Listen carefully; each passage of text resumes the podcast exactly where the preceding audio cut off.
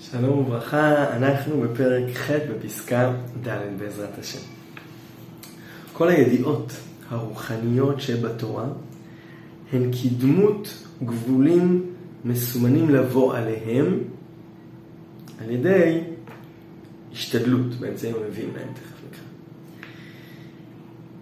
יש בתורה ובחז"ל, אנחנו פוגשים המון מדרגות רוחניות. מאוד עליונות, מאוד גדולות. וכל הידיעות הרוחניות שבתורה הן גבולים, כדמות גבולים מסומנים לבוא עליהם. אנחנו פוגשים בעצם אה, אה, דמויות גדולות, נביאים. אתה פוגש, אה, לא יודע, אה, חגים, תכף חג פסח. יש פה משהו מאוד גדול, מאוד מאוד משמעותי. יש מדרגות מאוד מאוד גדולות. שאנחנו פוגשים במרחבי התורה. וזה באמת מתבקש שנגיע לשם, כאילו בעזרת השם, כדמות גבולים מסומנים לבוא אליהם. זאת אומרת, יש לנו פה משהו שאנחנו שואפים להתקדם, לשאוף, ל- ל- לגדול. יש כאן דמויות מופלאות פה מאחוריי, הרב זצ"ל, הרב צבי יהודה, דמויות מופלאות שאתה משתוקק ככה להתעלות, להידבק במידותיהם. אבל הכוונה גם חג פסח. כזה קדושה גדולה, ואור גדול, והתערותא דלילה, כזה אור גדול, שאתה רוצה לבוא לשם, להגיע לשם, להתעלות אל המרחבים העליונים האלו, של המפגש עם האורות הגדולים, שהתורה אה, מפגישה אותנו, מציגה לנו, מראה לנו, יש חיים גדולים כאן בעולם, יש חיים קדושים כאן בעולם. ואפשר להגיע לזה, כן, כן, אפשר להגיע לזה. יש אור, אור גדול בעולם, חגים, ובכלל יש אורות גדולים בעולם. ואפשר להגיע לזה, ממש. מתי יגיעו מעשה על ידי מעשה אבותיי? יש, יש מסלול מאוד גדול להתעלות, להתקדש, להתאר. אבל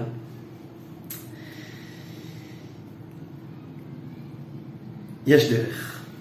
על ידי השתדלות באמצעים המביאים להם, על פי ההכנות הראויות. יש דרך. יש דרך איך עושים את זה. איך מתעלים, איך מתקדשים, איך מתגדלים. יש דרך ממש. יש דרך. זה לא ככה בקלות. זה בקלות, זה כל כך מתאים לנו, זה כל כך שייך אלינו, אבל יש דרך. ומי שירצה לבוא עליהם בלא שימת לב ליסוד ההכנות, כל הדרכים והמצוות המעשיות וכל הגבולות שצריך כדי להתכונן, כדי להגיע. מי שירצה לבוא עליהם בלא לב ליסוד ההכנות, תחת דברים של אמת, יביא לו דברי דמיונות. טמן עצל ידו בצלחת, גם אל פיו לא ישיבנה. אתה מתעצל ולא צועד בדרכים הנכונות, בכל ההכנות הראויות, לא תגיע. לא תגיע. אתה רוצה קדושה, אתה רוצה טהרה, אתה רוצה משהו גדול בחיים האלו, יש דרכים איך עושים את זה.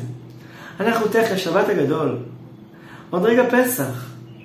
אתה רוצה לדבר על הגדולה של שבת הגדול, על האור הגדול שהופיע בליל הסדר, אור עצום, אדיר, עליון כל כך ונשגב כל כך. אתה רוצה להגיע אל הסדר וככה לנשום אוויר, לפגוש אור גדול.